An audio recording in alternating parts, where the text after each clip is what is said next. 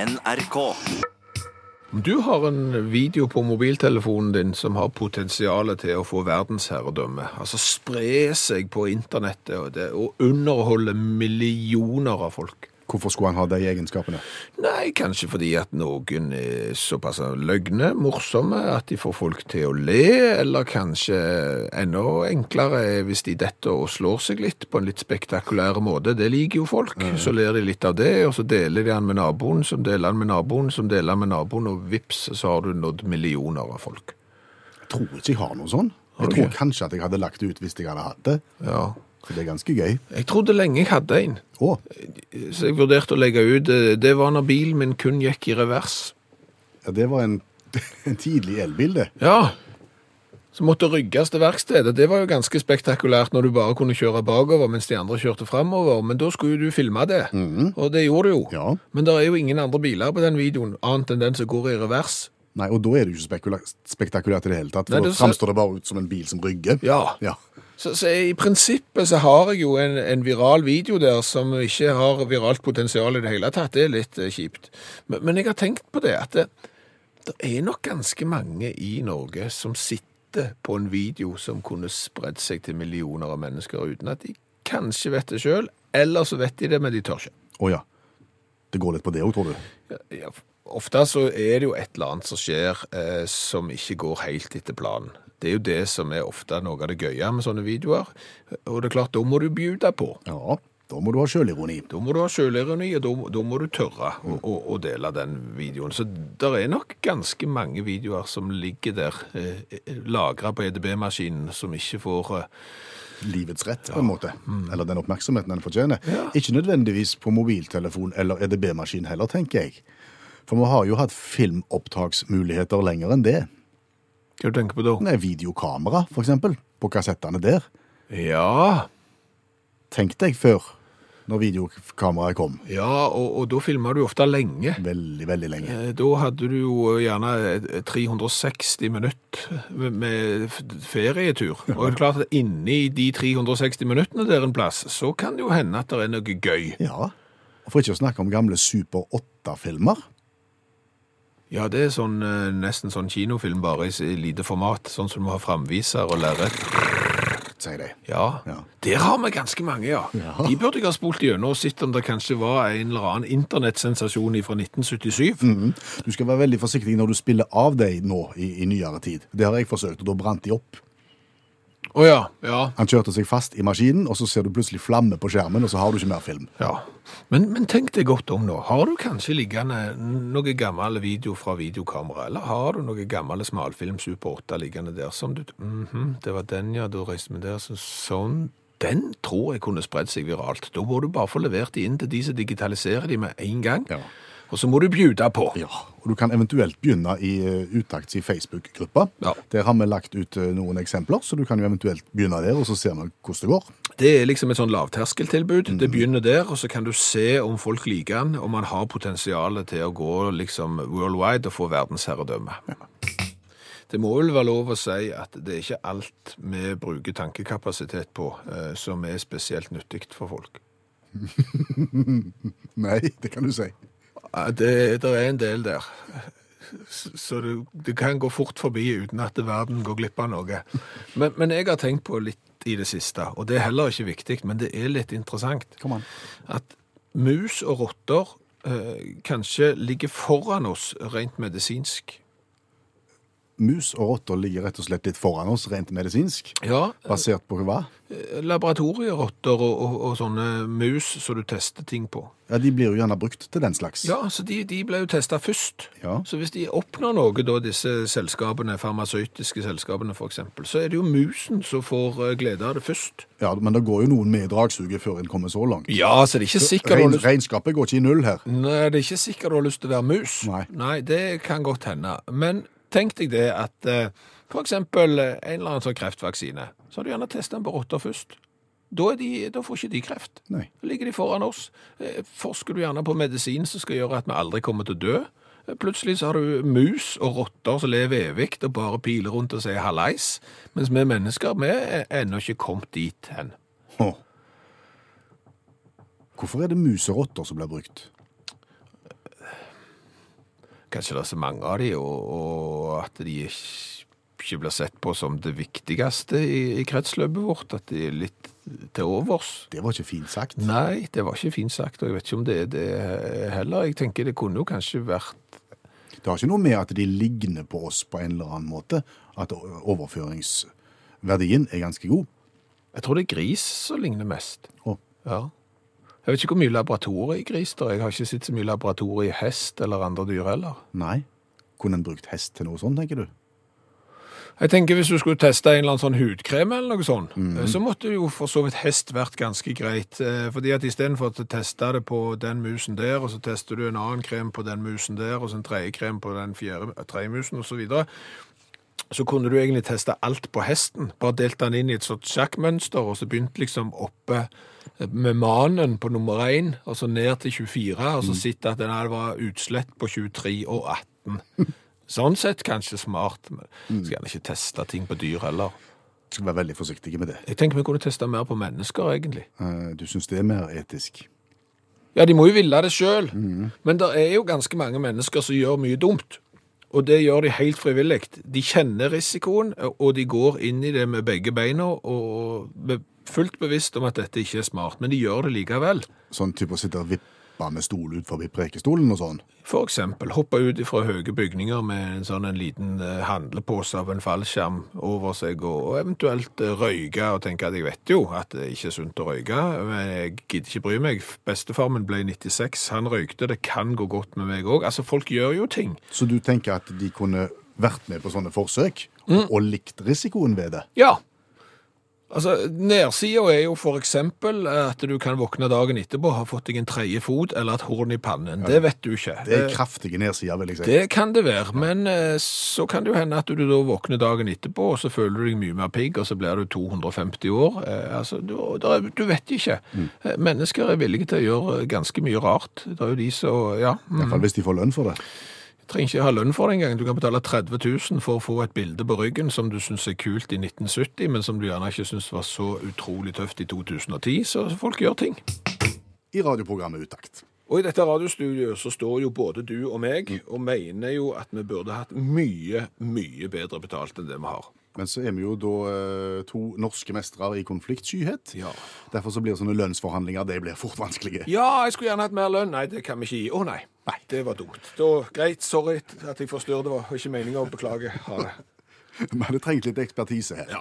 Og det er da vi kaller inn allmennlærer med to vekttall i musikk. Olav Hove, velkommen igjen. Takk for det. Kan du hjelpe oss litt, eventuelt? Ja, jeg kan godt det, for det er blitt forska på, og det finnes jo to klare skoler her. Eh, Tøyseskolen og pinlig nøyaktig-skolen. Tøyseskolen og pinlig nøyaktig-skolen når en skal få mer lønn? Ja, vi Begynn med kan jo- tøyseskolen. Ja, vi kan godt ta, for det er jo mest relevant for dere, tenker jeg, at dere kan benytte dere av den. Todd Torsteinsson, professor ved Universitetet i Idaho, garantert av norsk avstamning. Han, eh, han eh, underviser innenfor organisasjon og ledelse, men òg innenfor det litt rare studiet eh, bowlinghalladministrasjon. Eh, For jeg har eget studie for det der borte. Han gjorde et eksperiment der folk som hadde fått jobb som bowlinghalladministratorer, skulle forhandle med hans sine studenter om lønn. Dette var en tenkt tilfelle, da. OK.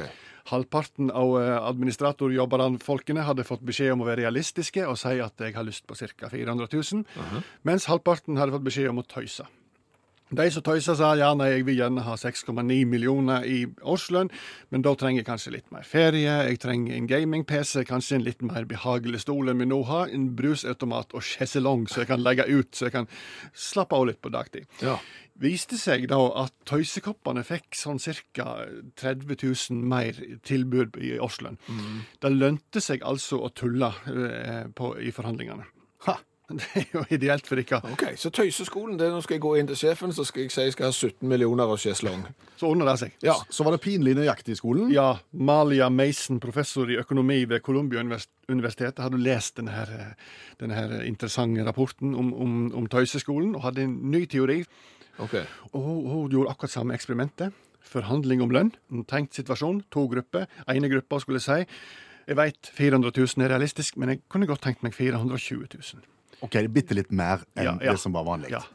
Mens gruppe to de skulle si ja, jeg vet 400 000 er en, realistisk, er en vanlig lønn for denne jobben, men jeg vil gjerne ha 432 816 kroner og 67 øre. Da viste det seg at når du kommer med en sånn sum, så tenker de som forhandler at her, det, det, her må folk ha greie på det. Ok. Når du er så presis, Ja. så da gir vi den lønna der. Så da ender du opp med samme situasjon, ca. 30 000 mer i årslønn. Hvis du er pinlig nøyaktig, da. Ja. Ok. Men, men da har jeg to måter. Jeg kan gå inn til sjefen og be om kolossalt mye, eller pinlig nøyaktig ett eh, beløp. Og hvis ingen av delene virker, hva kan jeg gjøre da? Nei, du kan få deg bart. Bart! Ja, I 2009 så var det en verdensomspennende sak som viste at hvis du har bart, så får du mellom 30 000 og 40 000 mer i årslønn. Og da fikk jo folk seg bart, selvfølgelig. Ja. Ja, du gjorde det bedre økonomisk på alle mulige måter hvis du hadde tjukke, stive, fæl trailerbart. Så lønnsnivået i Trøndelag er dobbelt så høyt som i resten av landet? Ja, nå viste det seg i ettertid at Aaron Perlut, som sto for den undersøkelsen, han sa at han var kanskje litt løs i fisken, den undersøkelsen, og, og han var jo sponsa av amer- det amerikanske mustasjeinstituttet. Så muligens var det motsatt, da. Og, og apropos motsatt, da. Eh, eh, Sean Leslie, eh, rådgiver innenfor, på nettsida Payscale, eh, og, det, og Payscale skal hjelpe deg med alt innenfor økonomi, han sier at når du skal forhandle om lønn og sånne ting, så, så alltid oppgi jobbtittelen din. Vel å merke hvis du har en sånn skikkelig stødig, solid, tradisjonssterk og flott jobbtittel. Ja, sånn som allmennlærer med to vekttall i musikk? Riktig. Hvis du har det, så skal du alltid oppgi det i lønnsforhandlinger. I- Hvis du har en sånn bullshit-tittel, så skal du ikke, sier han. Og han har brukt det i alle livets sammenhenger. Han får alltid mye mer lønn der han jobber og slike ting, for han bruker jobbtittelen sin aktivt uansett, da. Og han er Han er senior nettside-innholdsstrategianalytiker. Solid, tradisjonssterkt og flott. Da tror jeg jeg går inn til sjefen jeg, og så ber jeg om et skyhøyt beløp som slutter på 57 øre. eh, og så er jeg litt usikker på om jeg skal ha bart eller ei, men jeg kommer iallfall til å bruke eh, tittelen min, programsekretær eh, slash fotograf slash redigerer i utakt. Tusen takk, allmennlærer med to vekttall i musikk, Olav Hove.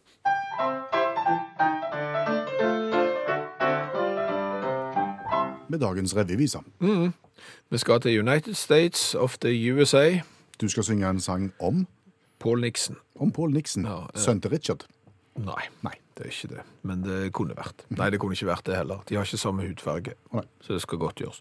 Eh, Paul Nixon han er 51 år. Han er da etterlyst av politiet i Texas fordi at han har skilt seg fra kona si. Ble du etterlyst av det? Ja, bare hør.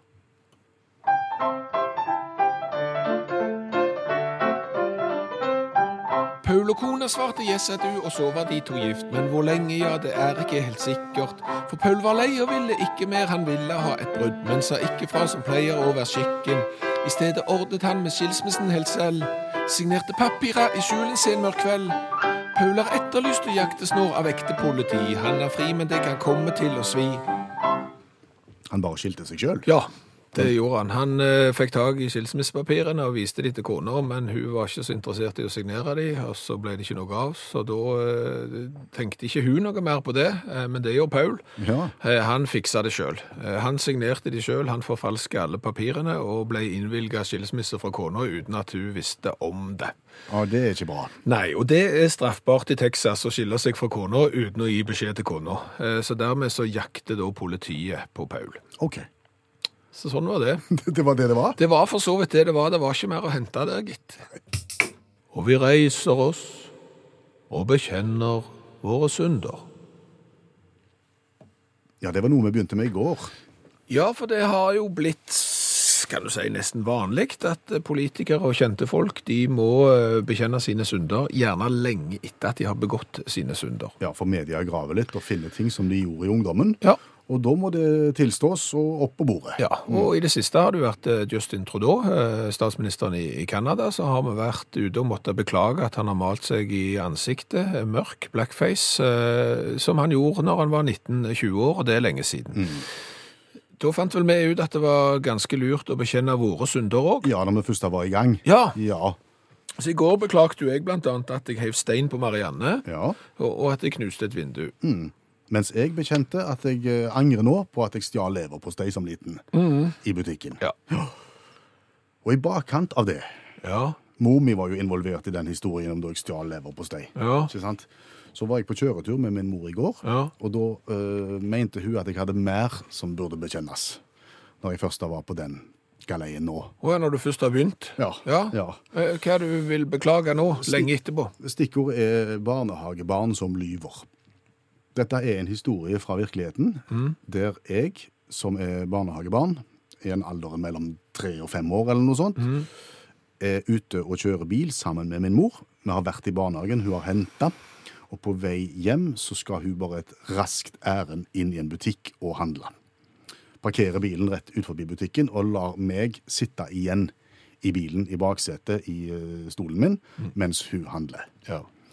Det jeg gjør da, og dette klarer jeg faktisk å huske at jeg gjorde, jeg, jeg begynner å leke med den sveiven som sveiver opp og ned vinduet i bakdøra. Ja, for nå snakker vi jo om eh, ei tid der å ha elektriske vinduer, det var ikke helt vanlig, nei. Så da sveifte du opp og ned, opp og ned, opp og Vi ned. snakker folkevogn eh, modell 1600 her. OK. Ja, med opp og ned og opp og ned og opp og ned. Og når jeg hadde gjort det mange nok ganger, så ville plutselig ikke vinduet mer, og så sa det brrrrum, Og så forsvant det ned i døra.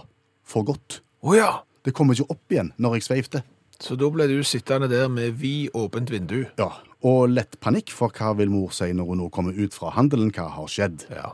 Eh, Da kommer mor. Og det er da det skjer. Da forteller jo jeg at vet du hva, mor? Mens du var inne og handla, så kom det to stygge tyver og knuste vinduet i bakdøra med hammer. Det er ganske god, godt kom på til å være et barnehagebarn, og det er ikke verst å, å klare å formulere det heller. Det, det er godt gjort. Nei, og det slutter jo ikke med det. Å nei! Fordi at jeg fortsetter. Og når de hadde gjort det, så tok de med seg alle glasskårene. Absolutt alt kosta de med seg. Og stakk. Men heldigvis så tok de ikke sekken min, for den passet jeg godt på. Ja. Ai, ai, ai, ai, ai, sier min mor. Og tror på dette. Gjør du det? Ja. Ja, hun gjør det, sa du. Eh, Det sitter en troverdig liten tase her og forteller. for du er, ikke, du er ikke vant med at du farer med løgn, Nei, liksom? nei, nei, nei. Så det vi gjør da, vi drar jo sporenstreks av gårde til Volkswagen-forhandleren i Haugesund. Ja. for oss, å- for oss å se hva som kan gjøres her, om å få ny rute osv. videre. Og vi drar opp der, og, og verkstedmannen kommer ut, og, og min mor forteller jo hva som har skjedd. To eh, stygge har knust og tatt med seg glasskår og, og det hele. Hun gjenforteller historien til verkstedet. Ja, ja, og jeg sitter jo selvfølgelig og nikker og bekrefter dette her. Mhm. Så går verkstedmannen bort, og så kikker han ned i døra, ned i den sprekka der på en måte som vinduet var. Ja. Og så tar han tak, har han med seg et lite verktøy, og så drar han jo opp vinduet. ja. For vinduet var jo der. Stolt øyeblikk for mor di, det. Ja, det ble ikke så ve veldig god stemning akkurat da. Nei. Det ble litt rød, rødming og leing, men, men g- godt humør, egentlig. Har du løyet mye etterpå? Ingen kommentar. IQ. Ja, ja jeg ble litt Ble satt ut bare av det. Ja, IQ, intelligenskoeffisient, eh, det måler jo hvor smarte eller hvor lite smarte du er. Hvor mye har jeg? Jeg husker jo aldri sånn. Nei, hva tror du Eh, På gjennomsnittet. på gjennomsnittet? Eh, 100, da. Å ja, er det snittet? Altså, snittet er, altså, snittet er 100, for det er liksom snittet. Så vi måler ut ifra det. Så 100 har ikke vært det samme alltid, men det er 100 for det, hvis du skjønner. Ikke helt. Nei, men altså, de var kanskje ikke så smarte som vi er nå, når de hadde 100 før. Nei. Eh, Men nå er Ja. OK, så, så, så Ola Nordmann gjennomsnittsen er på 100. Ja, du kan si at eh, 68 av verdens befolkning befinner seg en plass mellom 85 og 115, og 96 av verdens befolkning befinner seg mellom 70 og 130. Å ja. Så, så det vanlige er ca. 100. Jeg vil tippe at du og meg er ikke mer enn det må være. Nei. Så, så hvis vi i det hele tatt er på 100, så, så skal vi være fornøyde med det. Ja, jeg tenker også det. eh, tenker jeg. Ja. Men, men allikevel så føler du deg ikke eh, dummere enn du må være. Jeg føler meg helt på jabb nå. Ja, Ja. For, for, for da skal jeg sette det litt i perspektiv. Ja. Hvis du har en IQ på 55, Mhm. altså 45 sånne IQ-poeng, Bakover i forhold til ø, gjennomsnittet? ja, så er du ikke strafferettslig tilregnelig. OK. Da er har såpass. du såpass lite i verktøykassen eh, av kniver og, og sånn, at eh, du kan risikere å ikke bli dømt fordi at du ikke er strafferettslig tilregnelig. Hvis du er nede på 55. Hvis du er nede på 55, ja. Mhm, ok. Hva Mm, er perspektivet? Eh, Geniene. Jaha. Eh, Geni, det er du mellom 145 og 165. Stort geni mellom 166 til 180, og supergeni mellom 181 og 200 pluss.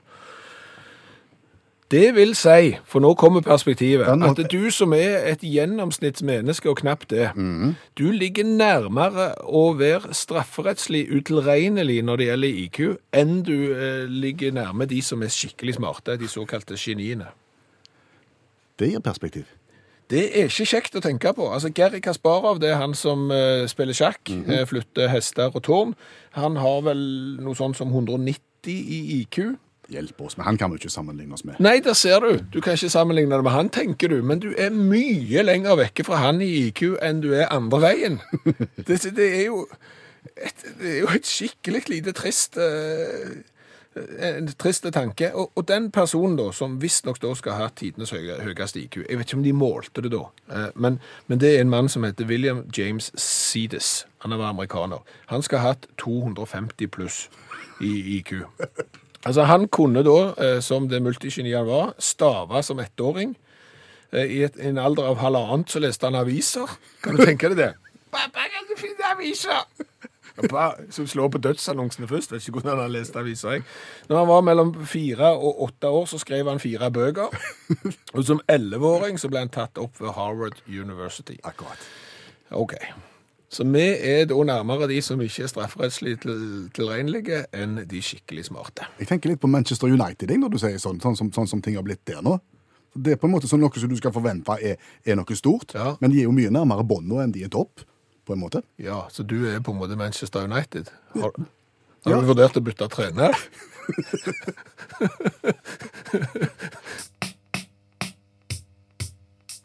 Hva har vi lært i dag ellers? Mye. Ja. Eh, jeg har lært av Jørn eh, hvorfor blant annet rotter da brukes eh, som eh, forsøksdyr. Mm, vi snakket om rotter og mus. Eh, rotter de re reproduserer jo ganske fort. Eh, Å ha, altså, å liksom formere seg som rotter, har vi hørt. Eh, og det er jo, eh, dermed så kan du, når du da forsker på disse her, så kan du sjekke generasjon etter generasjon for påvirkning. Å ja. Fordi de vokser så fort og får så mange unger og du får så mange kull. og- Så det er årsaken til det. Så har jeg jo lært det at i Texas eh, så er det ikke lov å skille seg. Mm, jo, men ikke på den måten som vår mann gjorde. Nei, Paul Nixon eh, han skilte seg, men eh, det er ikke lov i Texas å skille seg fra kona uten at kona vet om det. Nei, han skilte seg helt sjøl, han. Ja, han fant fram papirene, eh, signerte de sjøl, både med sitt og kona sitt navn, og, og han var ikke gift, kona trodde hun var gift, så det er ikke lov. Nei, nå er han etterlyst. Nå er han etterlyst. Det kan godt hende det er flere plasser i verden eh, som, der det ikke er lov å sk- skille seg uten å gi beskjed til kona. Så har vi lært det, at eh, hvis du vil ha mer lønn på jobb, så er det to skoler du kan eh, følge. Ja, I eh, forhandlingsøyemed. Mm. Ja. Den ene er tulleskolen. ja, Hvordan fungerer tulleskolen? Da går du inn til sjefen så sier du jeg skulle gjerne hatt 17 millioner i lønn pluss en sjeslong og så- sånn gratis gaming-PC som jeg kan ha på kontoret når jeg ikke gidder jobbe. Altså, du, s- du kommer med et hei, tøysekrav. Mm. Hva skjer da? Da får du sannsynligvis mer lønn enn de som har satt et reelt krav. Sier du det? Mm. Eller så kan du gå på pinlig nøyaktig-skolen. Hva gjør du da? Da går du inn og så sier du at jeg skal ha 572 143 kroner og 50 øre i lønn. Da vil gjerne sjefen tro at å, her kommer det en som har greia på det, siden han er så pinlig nøyaktig. Og så får du mer lønn enn de som går inn og sier jeg skulle hatt sånn ca. 500 000. OK. Så har vi jo lært det at den gjennomsnittlige IQ-en er 100, og vi er nok kanskje rundt der, gjerne litt unna. Men vi vil jo aldri nå amerikaneren William James Seedis til knena. Han er kanskje det klokeste mennesket noensinne. Men Ja, da- IQ på Ja, Det er gjort flere forsøk på å estimere hans IQ, og det er aldri endelig fastlagt, men det ble anslått å ligge mellom 250 og 300. Og denne gutten her, da, James, han leste aviser i en alder av halvannet år. Får jo håpe for guds skyld at han ikke satt seg i sofaen med aviser og pipa når han var halvannet år, men eh, da er du smart. Hør flere podkaster på nrk.no podkast.